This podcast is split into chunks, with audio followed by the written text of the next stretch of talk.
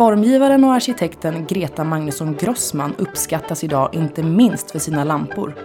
Golvlampan Gräshoppan har de flesta hört talas om. Men få har sett hennes stilfulla möbler som när det begav sig förtrollade den amerikanska formgivningsscenen. Det här avsnittet är en kortfattad introduktion till Greta Magnusson Grossmans liv och verk.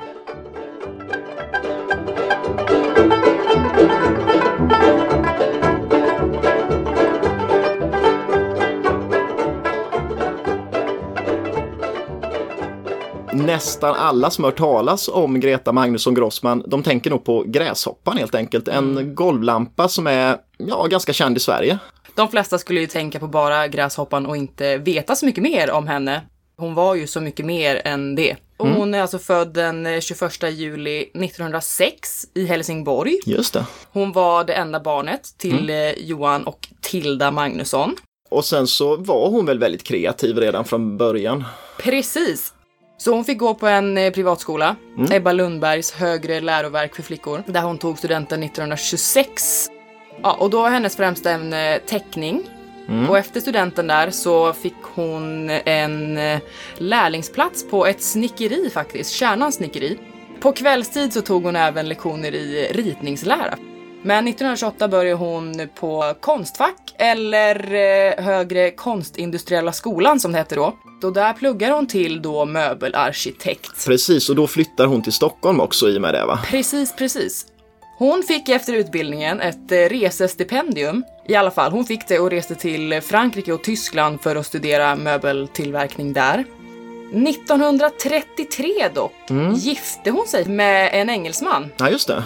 En trummis som hette, hette Billy Grossman. Mm.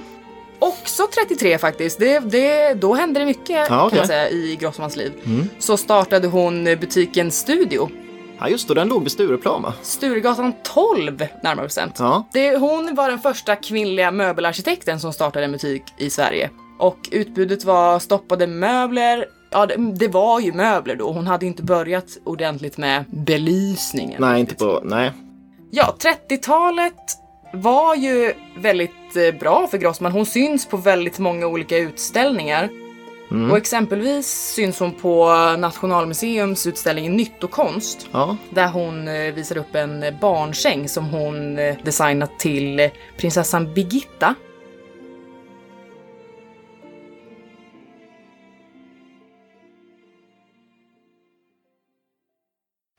1940 när eh, Danmark och Norge blir ockuperat av tyskarna. Mm. Då känner ju eh, Greta och eh, Billy att de vill inte stanna kvar i Sverige. Och orsaken till att de väljer USA, det tror jag beror mycket på världsutställningen i New York.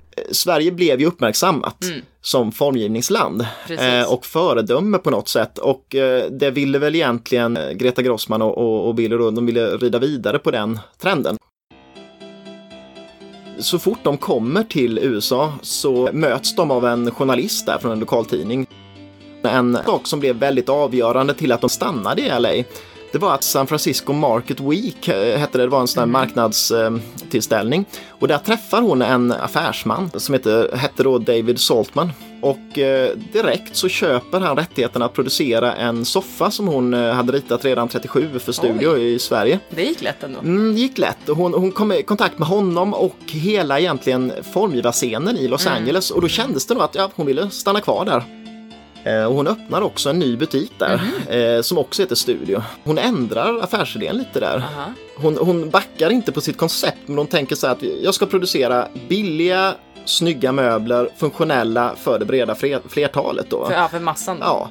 Eh, så att mycket av det hon producerade för studio i Los Angeles var ju under den här perioden lite billigare möbler som ändå många skulle kunna köpa. 1947 så händer någonting som verkligen gör att Greta Grossman får ett genomslag i USA. Aha, vad är det? Och det är att, att Barker Brothers var ett eh, stort möbelvaruhus i Los Angeles och vid den tiden så var det världens största Oj. butik för möbler. Ja. Och hela fjärde våningen fick eh, Greta Grossman inreda. Och hon blev dessutom anställd som deras, eh, deras arkitekt internt i företaget det är nu hon ritar Gräshoppan. Ah, okay, eh, så att för Barker Brothers eh, och producerad av Ralph O. Smith som är en lokal firma där. Mm. 1949 så ritade hon ett hus till sig själv. Mm, just Och det. det, och det blir ju starten för henne ordentligt som eh, Arkitekt. arkitekt. Ja, precis. Just och hon har ritat ett 20-tal hus i USA. Mm. Och visst har hon ritat i Sverige också. Ja, närmare bestämt i Hudiksvall som ligger i Hälsingland. Ja. Lilla Sundin. Just det. Eh, och ehm, det är det enda huset utanför USA. Ja, överhuvudtaget hon. och det är ju helt bevarat. Mm. Som det var då, 58, 59. 1952 ritar hon sin i möbelväg kanske mest uppmärksammade uppskattade möbelserie som kallas 62 Series. Eh, okej. och, den ritade hon för eh, en firma som hette Glen of California. Ja. Det var skrivbord, soffbord och de byggde på de här nya materialen. Ja. Men sen trots att det var ganska tunga material och även valnöt och, och de här träslagen så, så fick de ett svävande, en svävande känsla genom att eh, skivorna var som att de flöt i luften. Och ritade bland annat ett skrivbord också som var ganska eh, säreget med eh, kulfötter och en blandning av, av stål och eh, laminat och trä. Så att, ja, ja, var- men det är coolt. Eh, och samma år fick hon också från MoMA i, som designmuseet i USA, fick hon Good Design Award för en stol som hon ritade. Eh, och den är också så här, den kallas ofta, ofta Award Winning Chair. Eh, Och det är också så här som hon fick väldigt stor upp, uppmärksamhet för. Ja, hela tiden verkar det som. 1966 så drar hon sig tillbaka från, ja, från eh, yrkeslivet. Jaså? Och hon, hon, hon slutar eh, jobba, flyttar till San Diego, Jaha. Mm. eh, ritar ett hus där som hon bor i eh, tillsammans med Billy.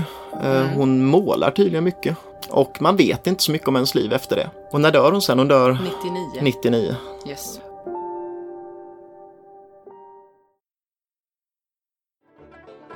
Designpodden produceras av Sanna Z Lundgren och Andreas Zetterqvist. Lyssna på oss gratis där du brukar lyssna på poddar och följ oss på Instagram där vi heter Designpodden.